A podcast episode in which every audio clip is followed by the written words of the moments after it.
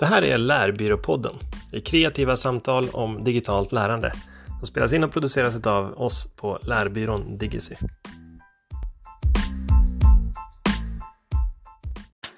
Okej, eh, vi, vi, vi gör så här helt enkelt att eh, jag tänkte presentera de som vi, har, vi som har förberett lite grann och har lite tankar på att prata idag. Eh, och till att börja med Kristoffer Levak då, initiativtagare skulle jag säga till hela det här. Där har vi Kristoffer, ja. Eh, jättevälkommen. Eh, vi tar, jag bläddrar tillbaka den där. Om det är någon som, man, som ni ser så kan man ju eh, navigera på den här lilla tavlan som är där uppe till höger. Men jag tänkte jag ska göra det vartefter vi, vi håller det här panelsamtalet helt enkelt. Kristoffer eh, från Coca-Cola. Eh, du ska få presentera dig själv lite senare ordentligt. Vi har Jeanette Almberg och Paravati. Säger man Paravati? Ja. Ja, bra. Välkommen fram du också. Eh, Jeanette kommer från eh, Sveriges Radio och är chef för akademin där. Och sen har vi David Nordqvist som eh, står här nedanför mig, som är learning lead på IT-gruppen. Vi har Eva Kindlund då, eh, som är från Warpin Media, Key Account där, och en av våra VR-experter. Sen har vi Marcus Landström som här i gul tröja, som är administratör för rummet och också en VR-expert. Eh, som är eh, grundare och VD för Ambivert. och sen har vi Mats Larsnäs, som står här precis bredvid mig. Eh, som eh, också en, en av våra VR-experter som är van producent av 360-film. Eh, även gymnasielärare fick jag veta för, för några dagar sedan. Vilket är en väldigt rolig aspekt tycker jag på hela det här eh, experimentet som vi gör. Jag heter Joel Skog och jag jobbar som eh, digital utbildningsstrateg på lärbyrån Digicy. Och hela det här eventet är egentligen, det uppstod lite grann av en slump när, när jag och Kristoffer hördes på LinkedIn som ni säkert har sett i inbjudan så, uppstod det hela genom att vi, vi hade ett gemensamt intresse av att utforska VR. Och eh, det slutade i att vi ganska spontant sa, men vi, vi borde bjuda in fler och vi borde testa det här tillsammans. Och, och det är det vi gör nu, helt enkelt. Så eh, ni som har varit här nu en halvtimme har märkt att det är ganska rörigt. Det är mycket som händer. Vi experimenterar tillsammans. Eh, och det ser vi som en stor del av det här. För vi, vi är väl de allra, allra flesta av oss är, är nybörjare i VR, vilket är ganska naturligt eftersom tekniken är så pass ny som den är ändå. Finns det de, bland annat Marcus, som protesterar och säger att nej, men det här har funnits länge, länge. Eh, men eh, jag skulle påstå att han är en av de så kallade early adopters som, eh, som nog ja, själv är van än så länge, men, men vi andra är nybörjare. Med det sagt så vi får, vi får nog helt enkelt eh, leva med att Fredde står här mitt i rummet. ja, alltså, lite speciellt liksom. Det, känns, det känns lite taskigt att skicka iväg Fredde. Um, och då får Fredde komma in igen och då kommer han hamna på någon av stolarna. Du Fredde, om, kan, kan Fredde prata? Du har inte tvångsmutat honom på något sätt? Nej då. Nej. Jag är okej okay med att han sitter här, det, det är inget problem. Eh, det, det, får vara som det är helt enkelt. Det är lite andra sociala spelregler som gäller i VR. Eh, det där kanske ger sig med tiden. Men eh, ja. som det är just nu så, så är det så helt enkelt. Jag tänkte att vi, vi sätter igång med lite frågeställningar. Och som ni ser så hade vi tänkt programmet så, mingel och testa funktioner, det är det vi har gjort nu en halvtimme. Och eh, sen sätter vi igång panelsamtalet eh, och sen öppnar vi upp för frågor från, från allihopa helt enkelt, inklusive de som är med i Zoom-streamen eh, helt enkelt. Men bara för att kasta sig rakt in så tänkte jag fråga dig Eva, om, om, om, om det känns okej. Okay. du som jobbar som leverantör för, med VR, vad ser du för fördelar och nytta. Varför ska man använda VR? Det är en stor fråga. Sådär. Ja, Nej, men det lämpar sig ju ganska snabbt för er nu som också testar VR att det är klart att detta är ju ett en helt typ nytt medie där man kan, som nu, nu blir väldigt så närvarande på ett ställe, man kan förflytta sig vart som helst i världen, till vilken plats, man kan resa i tid och rum.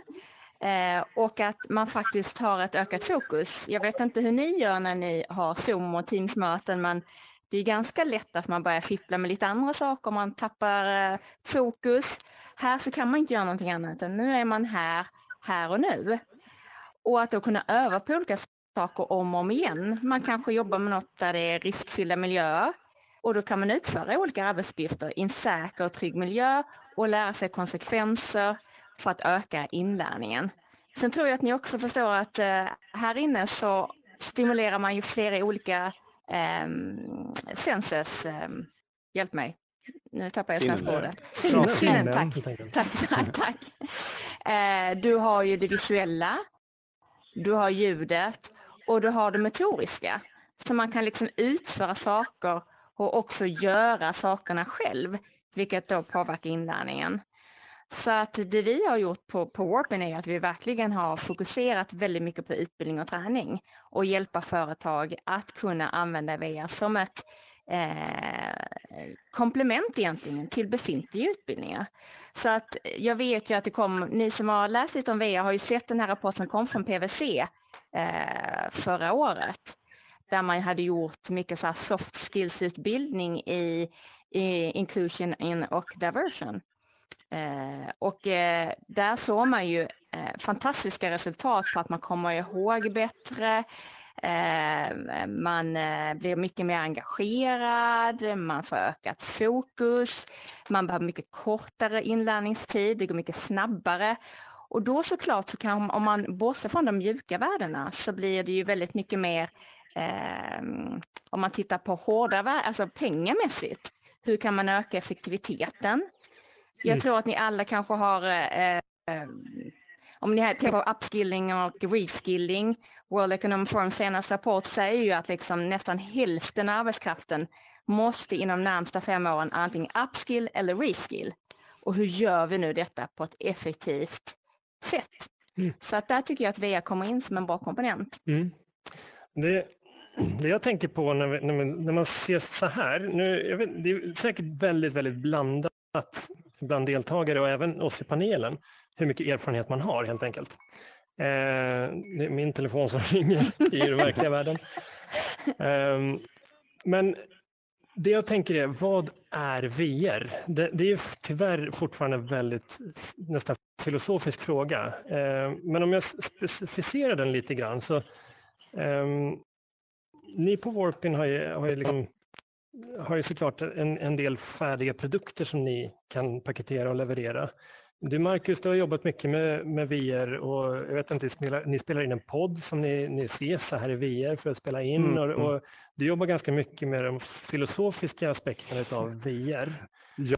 Ja, um, alltså jag, så, innan, innan, jag släpper in dig helt ja. Marcus så ska jag också säga att Mats vet jag, du filmar en del 360-film som är en aspekt på VR. Mm. Men låt oss fundera lite kring de olika aspekterna på VR helt mm. enkelt. Marcus? Nej, men jag, först vill jag bara hålla med om allt som Eva sa, alltså varför man, varför man vill använda VR i ett lärande sammanhang. Det är helt fantastiska egenskaper som mediet har tycker jag. Eh, min första spontana är den här förflyttningen som man gör, bort från där var man än är, in i någonting annat. Och det, det här andra, det kan vara nästan vad som helst.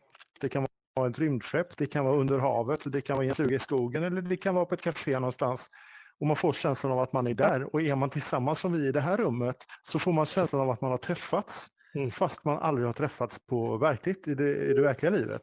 Så mm. i det här fallet eh, bland paneldeltagarna och även i publiken, några av er har jag träffat eh, på riktigt och några av er har jag inte träffat på riktigt. Men för mig så börjar det flyta ihop. Mm. Eh, Eva till exempel, vi har inte träffats på riktigt. Men det känns någonstans som att vi har det. För vi har hängt lite i de här VR-rummen. Eh, mm. vilket är ja, ganska... Det är, det är verkligen häftigt. Häftigt, ja.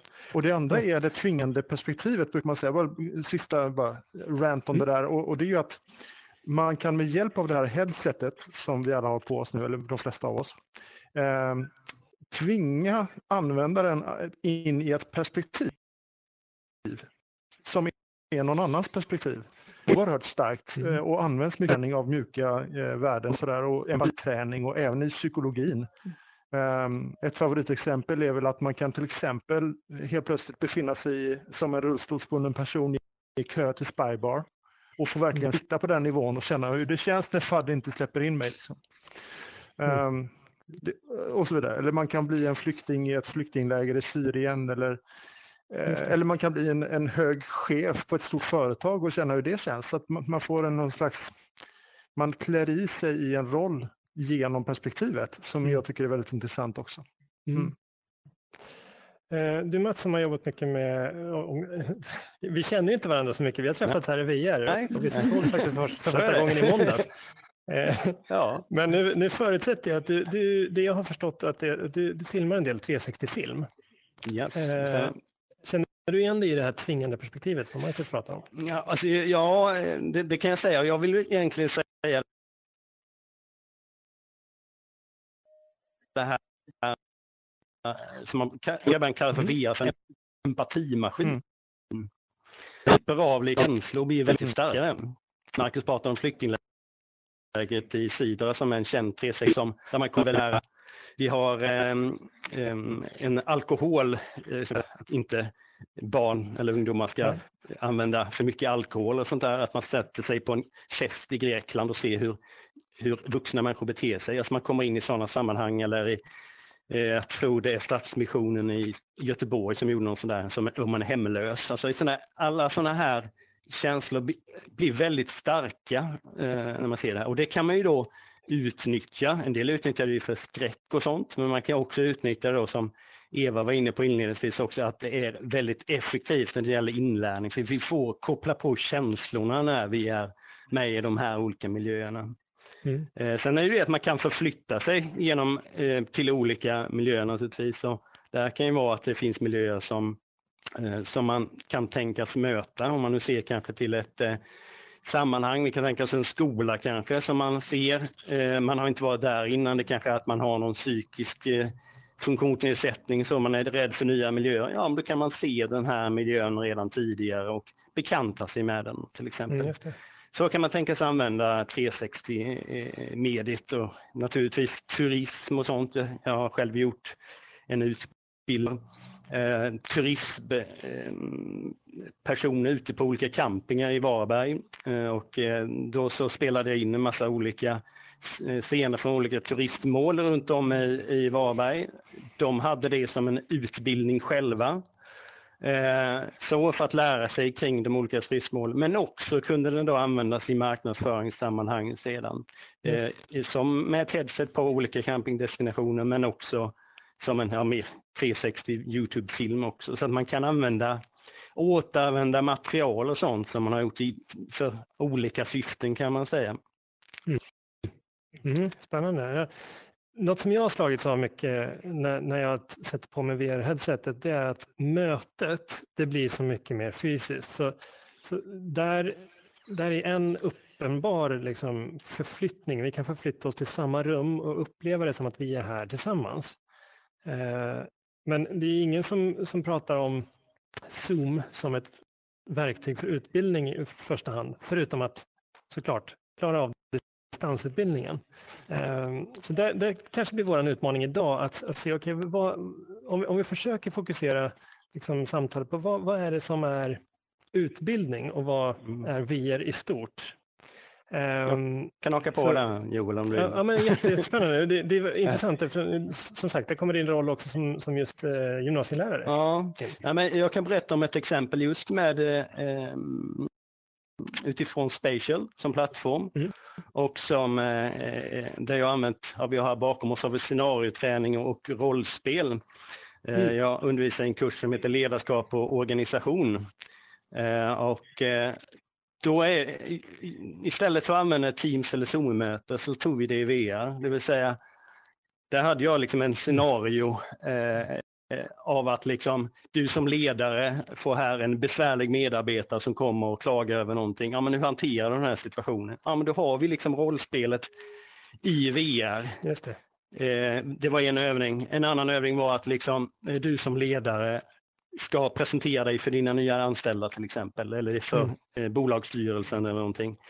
Och då får man helt enkelt stå här och då, vi har ju det som är så bra med Spatial. Spatial då, det, är, det är den här miljön som ni använder? Ja, ja mm. absolut. Och då har vi, tycker jag, det är väldigt bra eftersom vi har ansiktena, vi har också kroppsspråket, mm. eh, vilket är viktigt i, i det här eh, mediet tycker jag. Mm. Så det är eh, ytterligare en sak som vi faktiskt testat där, om man nu fortsätter på det exempel, det är att en annan plattform som heter Engage VR, mm.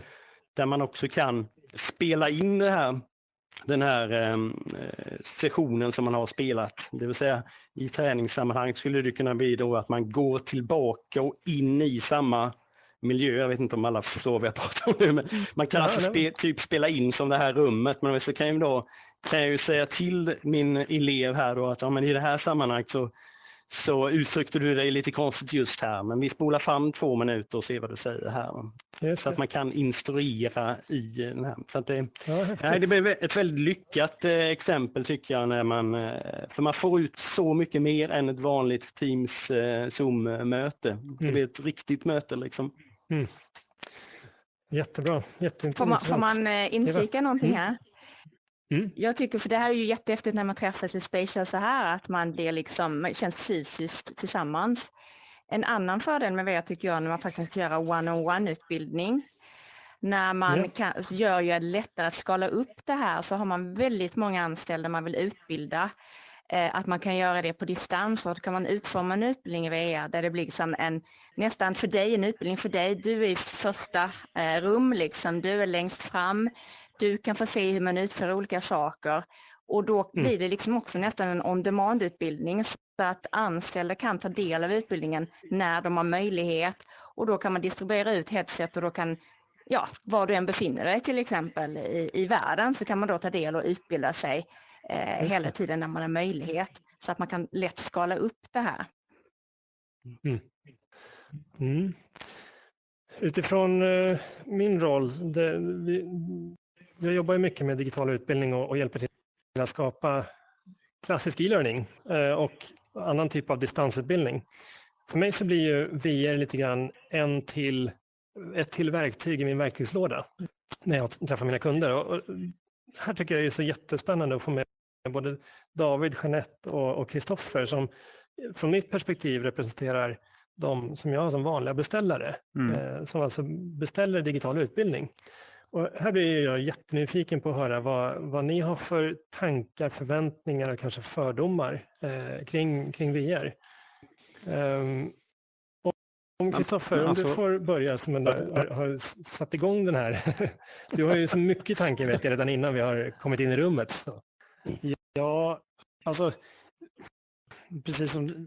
För, för jag, jag jobbar ju med learning och development på, på Coca-Cola Euro Pacific Partners. Så mm. jag, och jag jobbar med kommersiella utbildningar helt enkelt, hur vi, hur vi utbildar vår säljkår och vår marknadsavdelning och vår strategiavdelning och sådär. Och det är ju, det är ju inte, det är ju ganska enkelt att se massa häftiga tillämpningar just för hur man kan bygga en miljö som du sen kan träna i. För just mm. kombinationen av det här att du, du har ett fysiskt utrymme som du som du, måste, som du är i relation till. Eh, det har vi märkt bara när vi planerar det här. De flesta av våra frågeställningar inför det här rummet och problematiken är ju alltså är, ju analoga med den fysiska världen. Var ska vi ställa mm. den här och vem ska sitta var? Och, och jag menar, det är ju egentligen det är ju nonsens, det är, det, det är ju bara på låtsas eller så. Men, men Eh, och på samma sätt, vi hade ju kunnat absolut bygga en miljö som var till exempel en kundmiljö där vi kan laborera på ett helt annat sätt än vad vi kan göra kanske ute i en butik eller, och våra säljare eller butiksutvecklare kunna jobba i den miljön och få lära sig best practice. Och jag tycker också det var spännande det Marcus pratade om, just det här tvingade perspektivet. För där skulle du också kunna ha en inspelad best practice. Alltså så här gör du en walkthrough eh, eller det här ska du titta på när du kliver in i den här miljön och så vidare. Mm. Mm. Eh, att du liksom får befinna dig i ögonen på experten där. Nu ser jag David räcker upp handen, det känns som en skön passning. ja, precis. Så. Jag ska jag? Okej, okay. ja, men om du pekar. Nej, men, det, en aspekt är ju vad man kan göra med det, men jag tänker på en annan aspekt också. Vi, var på ett, eller vi hade ett föredrag på ICA igår Eh, där Per Lager, som han hette, som hade dragningen, frågade hur mycket av vår utbildning som faktiskt stannar kvar. Jag hör inte David. Eh, och då börjar man inse, ja men kontrakterar man er till exempel Joel, eller vem som helst, så liksom det, det är ett stort genomförande, man vill ha största möjliga effekt och rent krasst, det är faktiskt mycket utbildning man gör som bara försvinner. Mm. Och vad är då poängen med utbildningen om det inte leder till ett förändrat och ett varaktigt beteende? Och då börjar jag fundera på så här, ja, men, tänk till exempel, hur många har sett Titanic här inne? Hand upp. Jag ser det inte, men det kom en del händer. Alltså det måste ju vara 20 år sedan ni såg den och alla kommer ihåg vad som hände uppe på isflaket när han offrar sig och puttar upp henne. Var det meningsfullt? Nej, kanske inte. Stannade kvar? Ja, det gjorde det. Så att jag börjar fundera, liksom, hur kan vi liksom, med hjälp av beröra våra känslor, våra sinnen, få saker att faktiskt stanna kvar? Eh, kan vi hitta någonting som liksom, skapar en eh, effekt för vårt minne och utan att bli långrandig, men jag hörde ett jättebra citat kring det, eller liksom ett, ett sätt att resonera kring det. det var, där de menar på att ja, men människan är kanske inte, ska vi röra oss längre sträckor är vi inte så energieffektiva. Får vi däremot en cykel, då kan vi vara enormt liksom energieffektiva när det blir människan i kombination med någonting. Och lite den tänker jag om vårt minne. Vårt minne har kanske begränsad kapacitet. Skulle jag fråga er när ni gick till exempel en arbetsmiljöutbildning hur mycket ni kommer ihåg? Kanske inte så jättemycket. Nej. Men skulle jag nu liksom göra detta till en mental cykel, att vi med hjälp av er får göra arbetsmiljöutbildningen, då kanske vi får Titanic-effekten på det. Alltså, eller cykeleffekten. Alltså att vi nu faktiskt har något intressant att komma ihåg och vi kommer ihåg det på grund av att vi har den här effekten. Mm. Så att, för att skapa jag är- varaktighet. Det är en intressant fråga. Vad är det som gör då att, att man berör? Eh, vi ser, eh, eh, mm, när vi tittar på forskning nu så blir ju generell statistik liksom att VR gör att vi blir berörda. Där börjar jag bli lite skeptisk redan nu att, att fundera på vad är det som berör. Den- första känslan av att komma in i ett sånt här rum, det berör mig.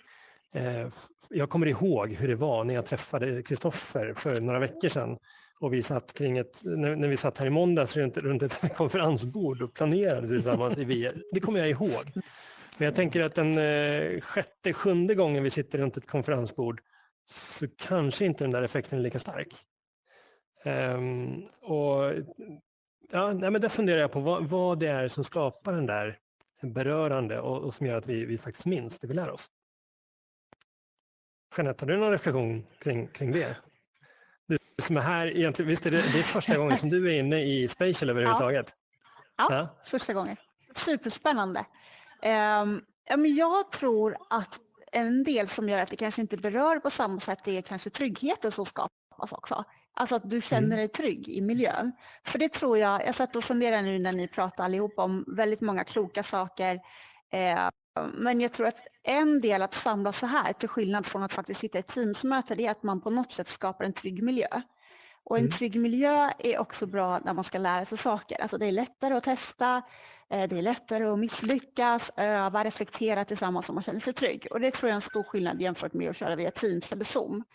Ehm, Men kopplat tillbaks till vad du sa, vad som berör. Jag tror att precis som med allting annat så, så behöver man ju hela tiden liksom kanske våga misslyckas lite. Alltså då får man väl stretcha lite mer, tänker jag. Utmana Mm. sig själv, testa nya saker, eh, nya sätt att, att träffas i den här miljön. Ehm, ja, så tänker jag. Mm. Mm. Jag funderar mycket också på, som jag ställde frågan förut lite öppet, vad är VR? Och jag vet att du och jag Marcus har diskuterat eh, när vi har tittat på olika lösningar och man, man tittar på befintliga VR-utbildningar så är det ganska ofta 360-filmbaserat. Att man, man får träffa en person som berättar någonting, man får svara på några frågor, vistas i en ny miljö och se någonting, eh, vilket kan vara fantastiskt eh, bra i utbildande sammanhang. Jag tänker brandsäkerhetsutbildning eller, eller andra typer av eh, otillgängliga miljöer där jag kan vara annat sätt. Mm. Det blir 360-film ett fantastiskt verktyg. Mm. Men att det är ju inte VR. Ja, eller ja. Eh, Det, nej, men- det, det, är ju, det är ju en del av, det är en del av VR. Eh, Jag vill inte göra mig ovän med någon i rummet. Men eh, för, för, men för 3D-video är ju det är fantastiskt eh, narrativt verktyg att berätta någonting, att utbilda någon, att visa eh, en miljö, att ta någon till en miljö till och med, som är väldigt, den är fotorealistisk och den, den är levande. Ehm, men det jag saknar ofta i 360-video eh, applikationer, det är ju interaktionen Mm. och simuleringen av, av verkligheten. Mm, exakt. som, som, som är svårare att uppnå i, i, med hjälp av alltså 360 video. Det kan man ju kort Ehm, säga, men bara- jag, jag bara det vi upplever de nu. här... All, ja, Det, det vi Ja. upplever nu är interaktionen i det och det är ju liksom ett av de stora starka värdena kanske. Ja, det kan jag Vilket också om man är i känna. en 360-film så är man lite själv där. Ja, det också. Eh, Man kan för all del eh, ta en 365 och sätta alla oss i en bubbla så att vi alla upplever samma 360-film. Mm. Det kan vi också göra och då, då är vi fortfarande kvar tillsammans fast i en 360-film. Det går. Eh, Men, men själva bara 360-video eh, blir lite begränsande när det gäller interaktionen. Så tycker jag. Mm. Men, eh, så att om man ska titta på verktyg till exempel för att göra utbildningar med så, så tycker jag att det är en fördel om man kan göra lite mer interaktion än bara eh, 360-videos.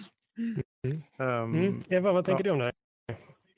Jag tänker att eh, det är en helt rätt eh, reflektion som Marcus gör. Däremot så tycker jag att lite beroende på vad man vill utbilda i och träna så kan det ibland vara en fördel att ha riktigt 360-material för då blir det den riktiga miljön. Mm.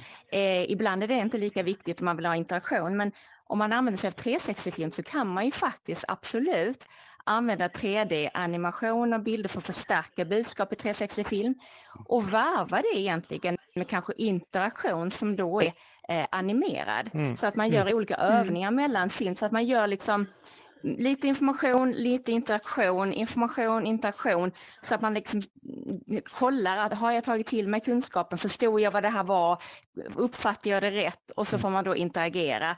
Så att um, där tror jag att man kan hitta en ganska bra kombination. Men det är klart att det är ju lite beroende på vilken typ av träning eller utbildning som, som man är ute efter. Mm. Jag håller Jag med tänker om man drar det 100%. hela, om man drar det Ja, hela jag vägen så, så känns det ju...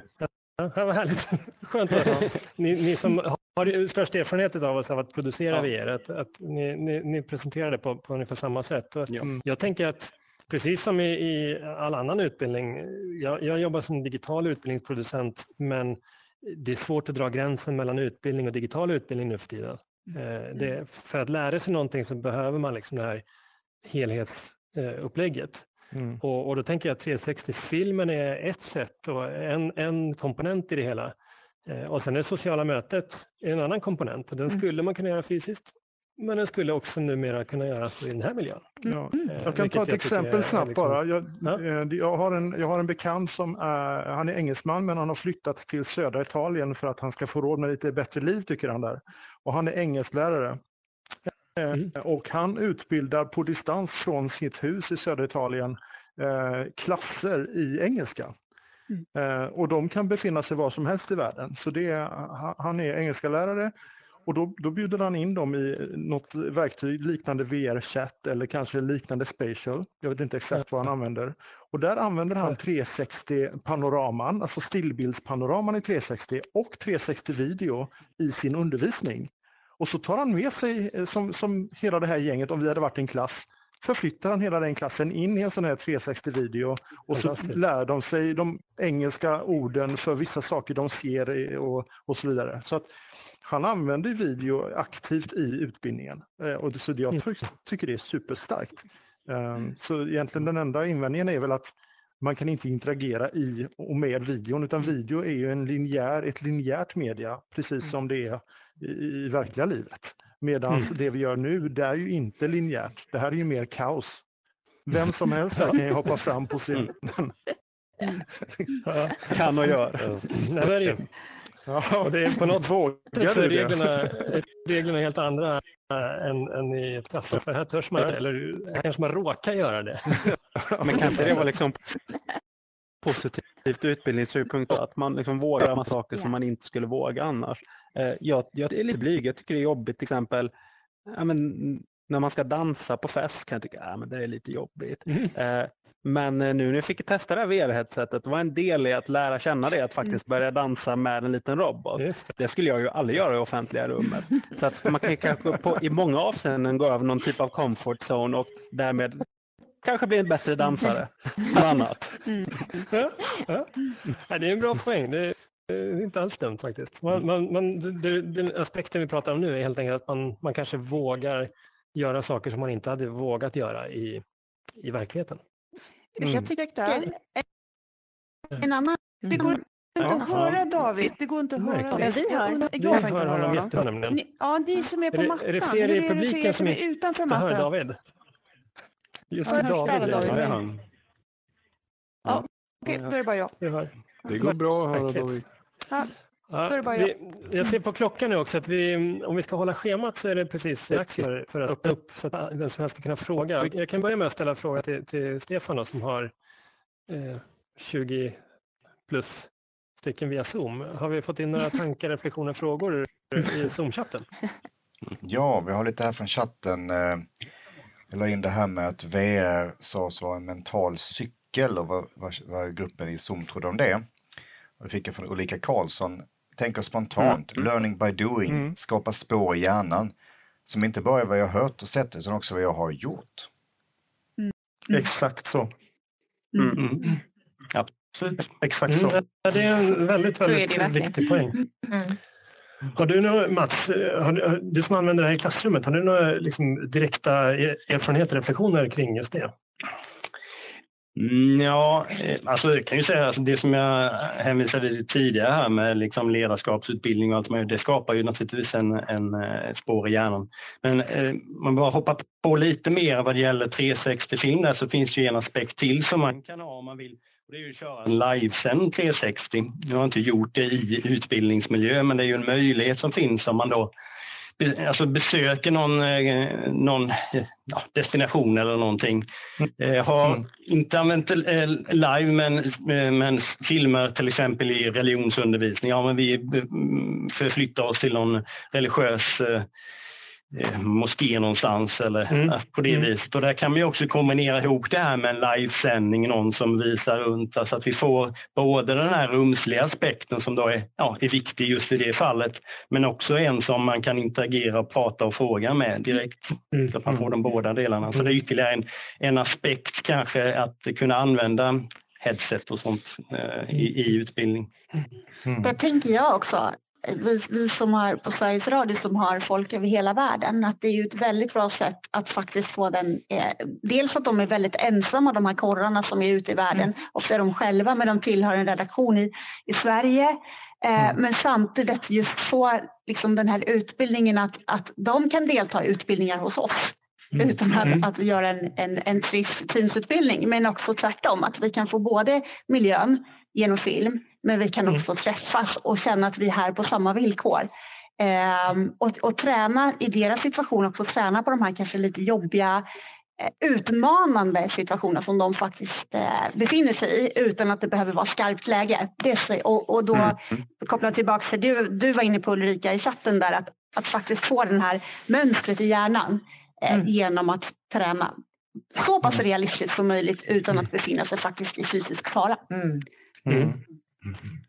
Och det är ju många företag som har gjort från... det där. eh, Förlåt Eva, kör du.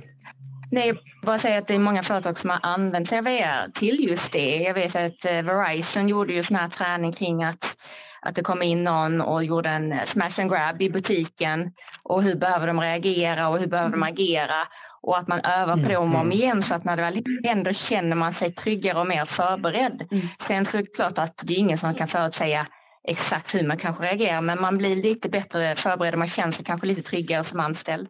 Mm. Definitivt. Jag tänkte Stefan om vi har några fler eh, frågeställningar ifrån eh, chatten? Nej, inte just nu. Då, då är det såklart det är öppet för vem som helst helt enkelt som är, som är här och, och slänga in en fråga. Siri? Siri. Så, Jag tacksam är till lite oss som har nyfiken på det där. räcka. Ja. Eh, här med kombinera. Man blir lite trött eh, här efter ett tag Mm. och vi har också lite batterigränser och så. Men just kombinera med annat, kombinera med Zoom eller kombinera med... Mm. Mm. Det är jag lite nyfiken vad ni har testat, ni som har utbildat i den här miljön. Här, eh, Marcus jag, räcker upp handen. ja, det kan jag svara på lite snabbt. Eh, Min erfarenhet är ju att, eh, Eh, och de företagen jag har hjälpt med det här, så har de använt eh, VR kanske två gånger på en arbetsdag på, för stand-ups till exempel. Säg att man är 10-12 personer som ska ha en stand-up och så är det coronapandemi och så måste man jobba hemifrån. Då ses man i VR och så kör man sin stand-up väldigt organiserat. Den som håller i yxan får prata. Liksom. Och sen, ehm, och sen så går man över till sina vanliga arbetsmoment och då kör man kanske Google eller Microsoft, eh, den här Office 365 och, och man kör Zoom och liknande för sina möten och telefon såklart. Och så ses man igen slutet på dagen i VR och, och mm. summerar vad som har hänt. Liksom. Så är det många som jobbar, att man varvar precis som du sa själv där. Så det tror jag, för att även att bara köra Zoom blir man också trött av. Ju. Det finns ju till och med något som heter Zoom-fatig. Mm. Mm. men det är något som jag har märkt att man, man, när man väl är inne i det här eh, rummet så tappar man lite grann tid och rum mm. i den fysiska världen. Mm. Ja. Eh, så vi reflekterade när vi planerade att, att wow, har det gått en och en halv timme och det har bara ja. liksom flugit iväg. Mm. Ja. Precis så där som det kan kännas i en workshop när man är i ett konferensrum tillsammans. Ja. Eh, den känslan känner jag igen, men däremot så blir det en tröskel för mig. För att när jag inte har headsetet på då är det lite enklare att bara vara via datorn och ringa upp någon via Zoom för det är det som ligger närmast till hands. Mm. Eh, jag måste liksom bestämma tid med någon i mitt headset. Jag vet mm. inte om det är liksom nyhetens behag nu eller vad man ska kalla det, eh, eller om det är... Jag brinner för det här. Jag, jag, brinner för den här frågan. Eh, det, vi kallar ju det, ni, ni, jobbar ju också med det eh, som gör utbildningar eh, för onboarding. Och, och att, att bli onboardad i VR är en, en, har jag märkt, en lång process. Mm. Jag började i november 2019, och vilket så att jag var egentligen ganska sen in i VR. Men för mig har det tagit tills idag att liksom bara komma in och få vanan. Och det handlar om att för det första att sätta på sig headsetet, att ha det som sin preferens. Eh, Joel, när du säger att vi ska ses och ha ett möte, då förutsätter jag att vi ska ses i eh, i Spatial. Det, gjorde, och det var roligt, för, för Eva, Eva och jag var inne i Spatial innan vi test, kom på att oj, det kanske var ett annat typ av möte vi skulle ha. eh, och det kanske är så här, ja. men då har vi jobb, jobbat ett tag med VR. Liksom. Då kanske vi förutsätter att vi ska ses i VR. Eh, men det, det tar ett tag att komma dit. Um, och, och, det var det ena. Och det andra är att jag tror att man måste hitta sin, sin grej som man gillar, som kanske inte är jobbrelaterat. Uh, man måste äga sitt eget headset tycker jag. Jag tycker inte man ska dela headset. Jag tycker att ett headset är lika personligt eller mer personligt än en mobiltelefon. Så att köpa två headset man är fyra anställda är ingen bra idé tycker jag. Utan, uh, man ska ha varsitt. Det är en viktig grej. Och sen så tycker jag att man ska hitta sin grej så att säga. Och för mig kanske det är spela minigolf. Eh, det kanske är skjuta, skjuta, pang, pang. Det kanske är något annat spel som jag tycker är kul. Jag vet att några kompisar träffas och spelar poker varje söndag samma tid. Eh, och då blir det också att då använder man VR för mer än bara jobbet. Eh, det finns folk som mediterar i VR. Det finns folk som tränar i VR och så vidare. Och så vidare. Så jag tänker jag tycker när du hör det här som, som Marcus pratar om, eh, att, att man kanske måste ha ett var och, utifrån din jobb, jobbsituation tänker jag. Ja, men jag, alltså nu, nu när vi har fått de här Oculus Quest, liksom inte för jag just reklam för dem, men det är väl ändå det vi är på. Mm. Så de har ju, de har ju rasat så liksom fantastiskt i pris. Så att nu är de ju de är inte dyrare än en iPad är. Eh, och säger du det till, jag menar vår säljorganisation det är 120 personer där alla har en iPad. Det är ju liksom en naturlig del av deras vardag. Mm. Det är klart det var ett steg för ett par år sedan men det är ju, det är ju väldigt på horisonten att, det här, att man skulle kunna lägga den investmenten också. Mm. Eh, jag tror att, att just det, liksom, tröskeln är inte Alltså den, att, att, få folk att ha ett headset, för det tror jag kan göras. Men i, i, för vår del i den kommersiella världen, där, där blir problemet är just att produktionskostnaden kan vara väldigt hög för att skapa cases. Eh, alltså att rendera upp en värld och liksom på, på bara som en pilot. Det kan vara lite tufft och det kan vara en tröskel att komma över. Mm. Så man behöver hitta bra exempel där just för att, för att liksom snabbt få folk att se nyttan i det. Mm. Uh, det här är ju ett sätt såklart och Spatial det är ju en färdig miljö och så. Exakt. Men just när man börjar göra liksom mer specifika uh, här, här, måste man ju, här kommer man ju behöva vara lite street smart och se, okej okay, vi investerar i headset, det är en kostnadspost men det kanske är den lilla egentligen då. Och så tänker man att den stora det är att ta fram själva utbildningsinnehållet. Uh, men där skulle man mycket väl kunna som sagt vara street smart och tänka att vi tar, ut, tar upp någon, någon utbildning som är lite mer kostsam Eh, och sen så använder vi miljöer som redan finns och, och bygger eh, innehåll där. Nu har, vi, nu har vi flera stycken som är intresserade av att lägga in. Eh, jag såg Mats först. Jag, Kul- kul att väcka åsikter. tänker. Ja, det här, Ja, här är, nej, perfekt. men alltså, är precis där vi ska vara. Jag, jag känner ju det här så när man försöker att typ sälja in en VR-utbildning till en kund så, där, så blir det ju en rätt lång startsträcka. Att man måste liksom, ja, förklara nyttan, man får liksom, vad, är vad passar just för er? Alltså, eh, jag blir liksom en rätt stor del utbildare i allting kring VR för det finns alltså, så lite kunskap tyvärr hos, eh, hos många kring det här. Så att det, är en, det är rätt så lång eh, väg tyvärr och särskilt för mig som en ganska liten aktör liksom, så, där, så är det, behöver jag lägga mycket tid på att bearbeta kund för att visa på nyttan. Men, ja, och så kommer jag kanske med många alternativ och, och, och sådär. Så att, eh, då får de kanske lite svårt att välja. Men jag tänker att man får vara väldigt liksom eh, börja väldigt lätt liksom, för att se den här första nyttan liksom, och sen så får man kanske gå vidare. Då. Ja, och sen är det ju seeing is believing där alltså. Det är, Ja, det är, ju- få dem att testa liksom. Man behöver förstå. det går upp för. Vad, vad säger du Jeanette? Men jag tänker också att det finns, det finns ett hållbarhetstänk i det. Eh, och även om headsetet kostar en viss slant så kostar det faktiskt ganska mycket pengar också att skicka folk över hela Sverige Ja, gud. eh, och delta fysiskt på utbildning. Eh, och de pengarna räknar man hem hyfsat fort tror jag. Ja, det räcker med ett tillfälle. Så man den Ja, två, det är ju Ja. två, två hotellnätter. Det är ju headsetet i två hotellnätter.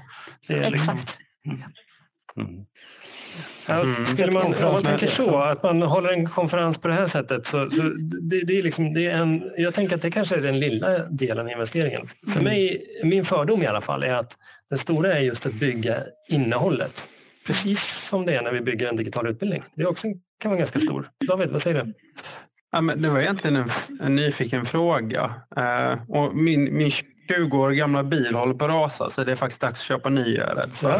Och då blir det lite så här frågande. Men ska, jag köpa, ska jag köpa en elbil nu?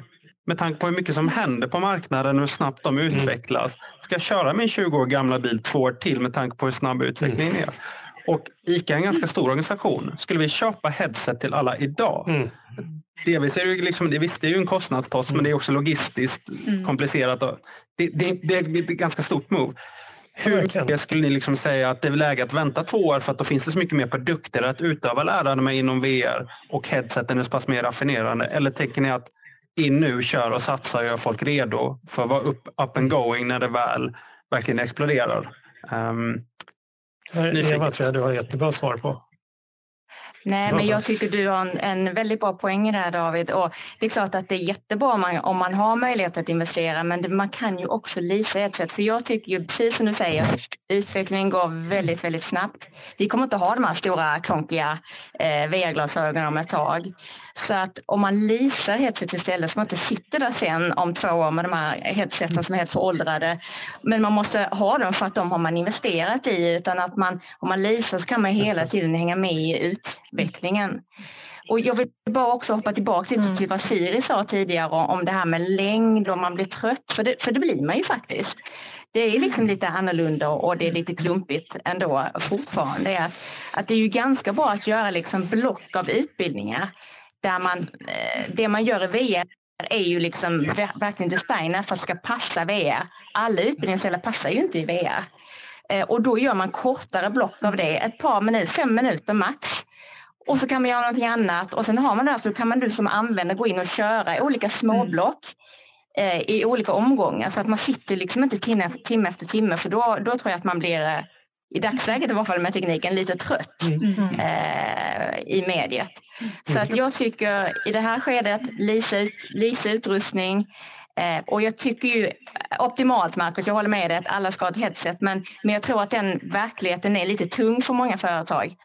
Så jag tror ju att eh, om man räknar ut liksom hur ofta man behöver köra utbildning, hur Jag många inte Marcus behöver man han då här nu. platser. Nej.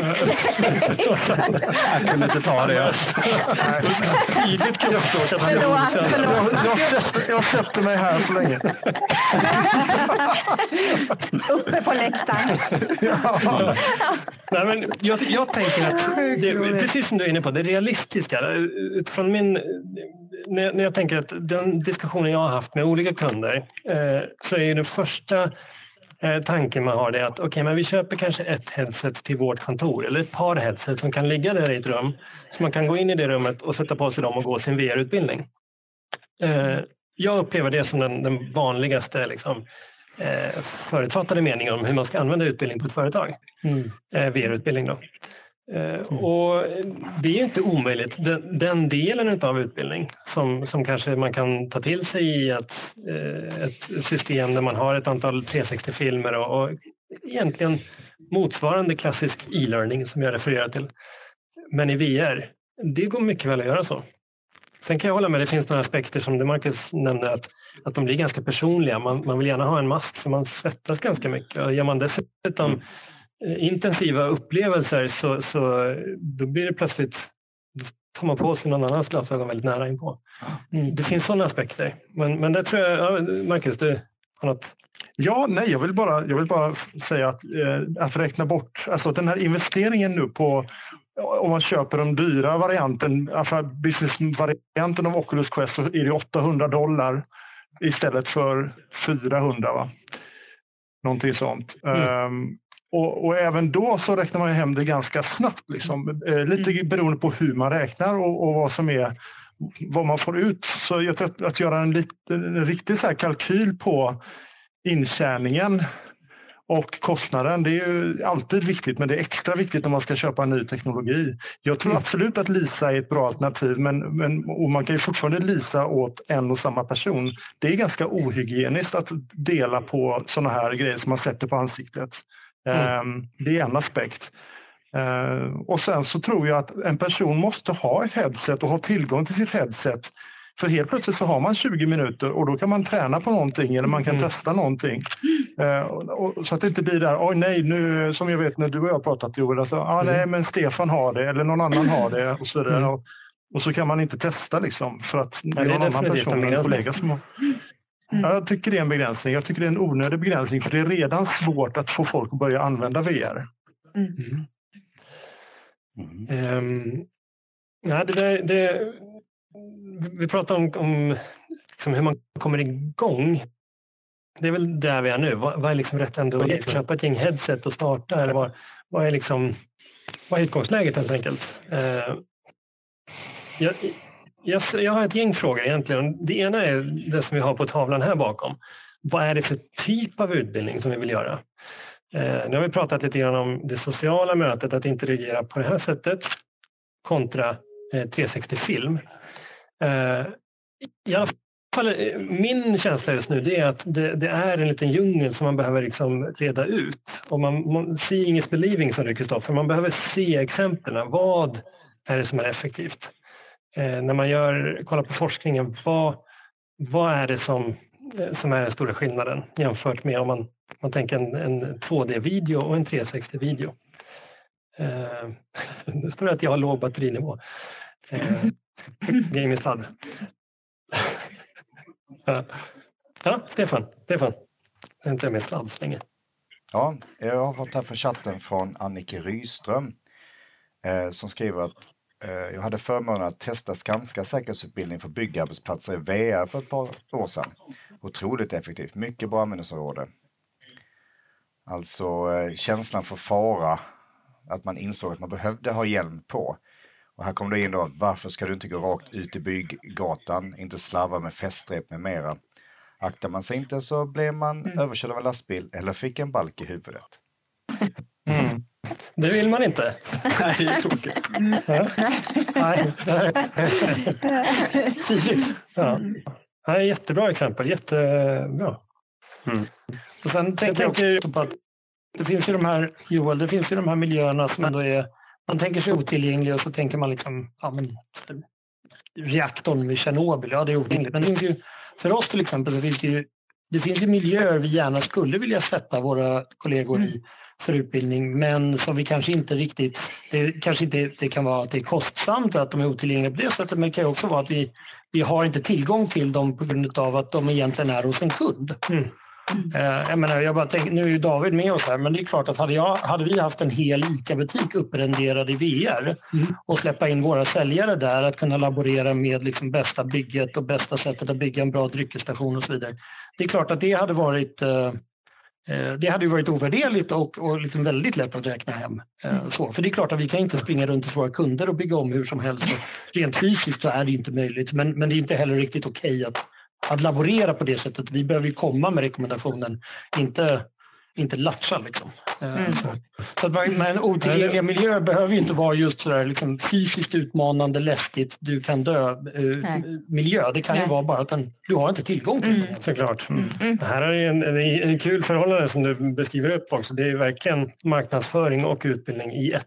Mm. Ja, alltså det är ju, det vi, sammanhanget. vi jobbar ju med att driva försäljning hos våra kunder. Det är ju liksom hela vår existensberättigande eh, och våra fantastiska produkter, jada jada. Men, men för att komma fram till hur vi gör det på bästa sätt, då måste vi ju jobba med den fysiska miljön.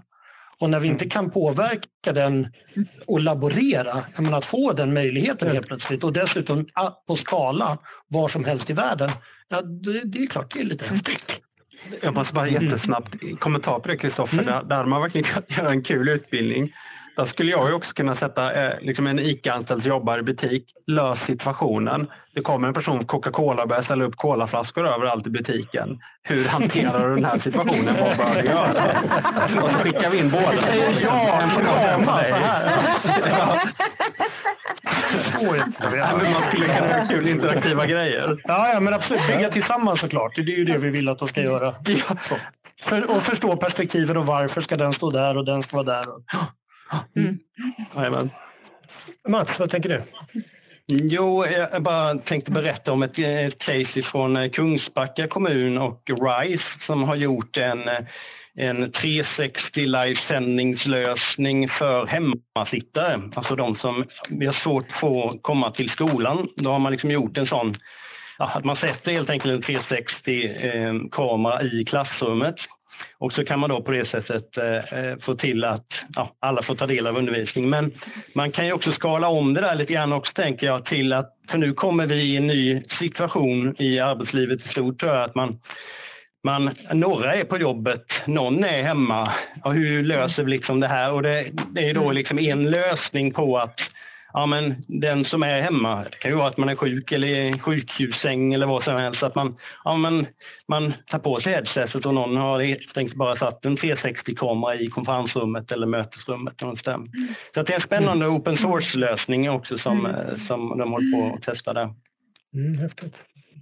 Det finns helt klart rätt många eh, olika lösningar. Eh, just nu är vi i Spatial, jag pratar 365, det här är ytterligare en, en lösning så, som man tittar på. Det, det tror jag är den, det är svåraste för oss som, som liksom, okej vi är nyfikna på VR, vi vill testa och använda det i utbildning.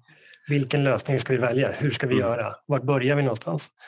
Eh, jag tänker mig att eh, efter, efter idag, ni som är intresserade av mer såklart, nu, jag vet att både Marcus, Eva och, och Mats har jättemycket erfarenhet av att just komma igång och kan svara på de här frågorna. Vad kostar det och vad ska man börja? Vad kan man göra?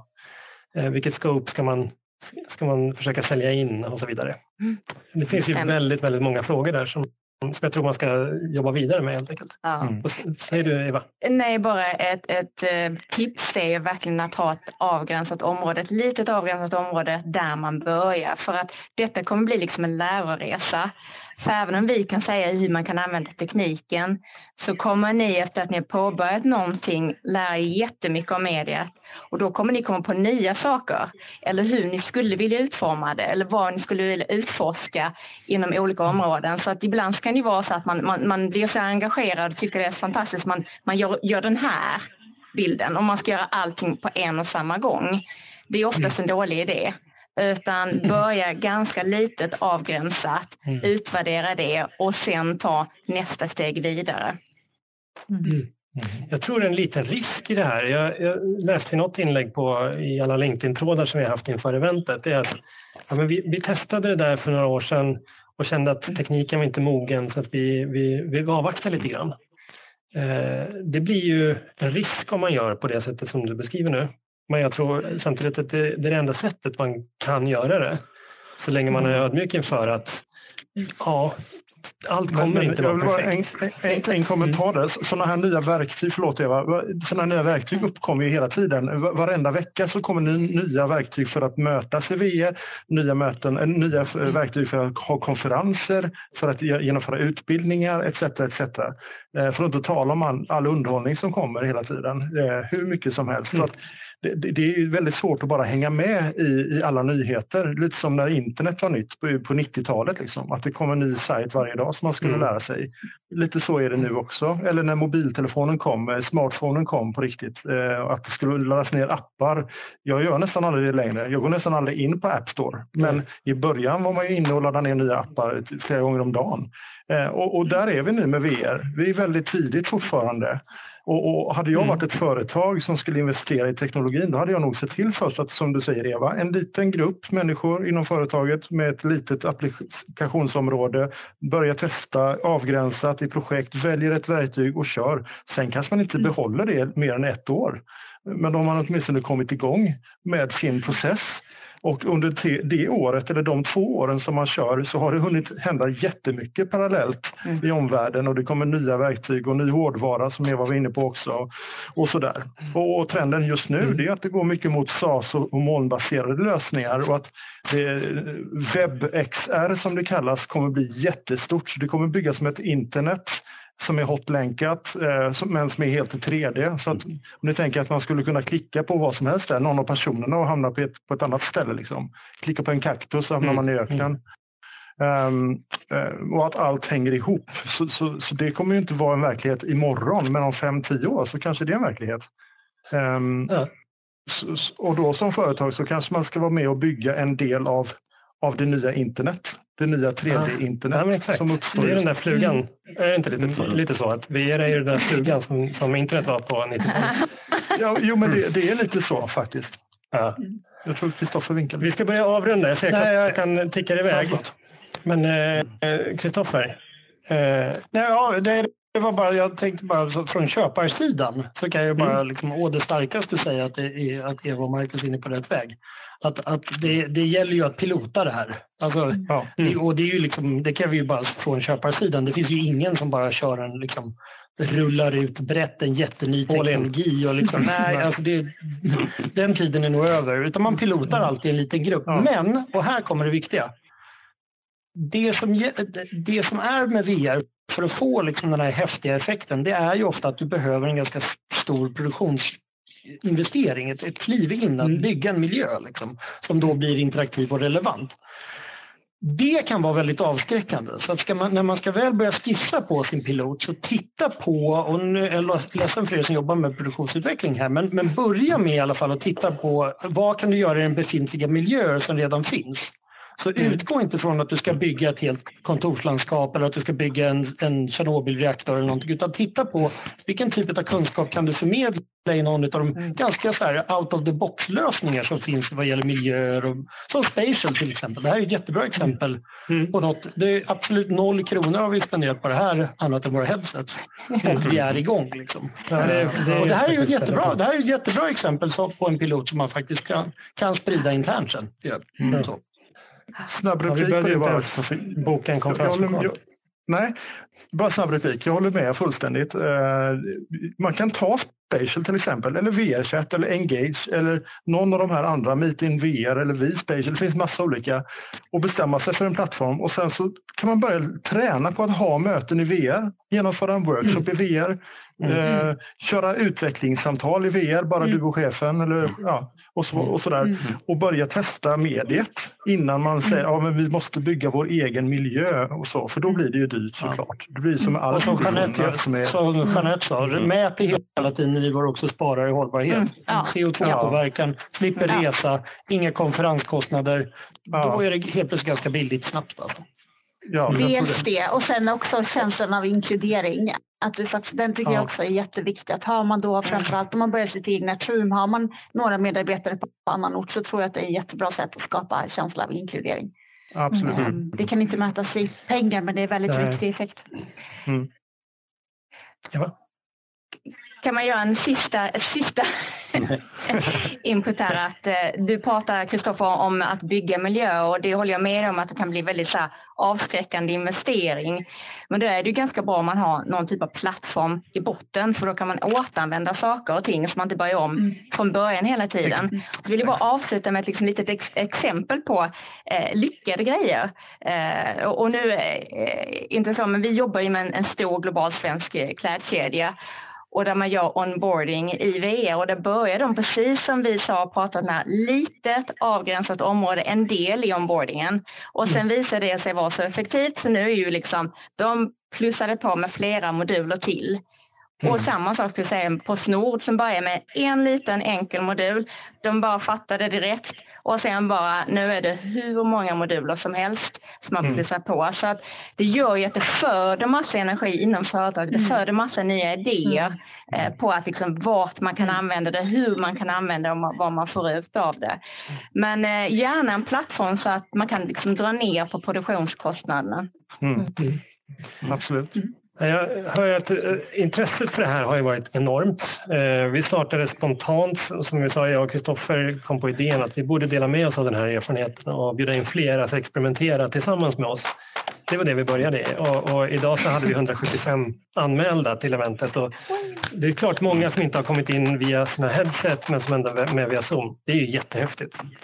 Uppenbart ja, det... finns det ett stort intresse. Eh, vi ska avsluta nu för att ha någon slags... Eh, vi, vi, tänker oss att vi ska kunna dela den här inspelningen som vi har gjort via Zoom. Vi kommer dela på, på Youtube. Och jag är helt övertygad om att vi, vi kommer följa upp det här på ett eller annat sätt. Eh, för det finns så mycket frågor och, och, idéer som vi behöver fortsätta utforska och svara på helt enkelt. Mm. Eh, så att jag tänker att vi, vi avrundar panelsamtalet så här. Jag kommer finnas kvar i rummet. Nu har jag sladden i pluggad så att jag inte försvinner på grund av batteriet tar slut. Eh, men, eh, men på det sättet så avslutar jag. Så vill jag tacka er som är med i panelen. Ni som vill hänga kvar, det är helt okej okay att göra det. Fyll jättegärna på den här tavlan och sen så kan vi liksom finnas kvar eh, och, och hålla dialogen öppen helt enkelt. Stort tack! Snyggt. Och som sagt, ni som hittat hur man klappar händerna. Det är ju en aspekt som är häftig. Den fanns inte i Clubhouse, eller hur Kristoffer? Nej, det är Tack för att vi fick vara med. Jag måste rulla. Oh, slava på micken. Jättetack allihopa. ja.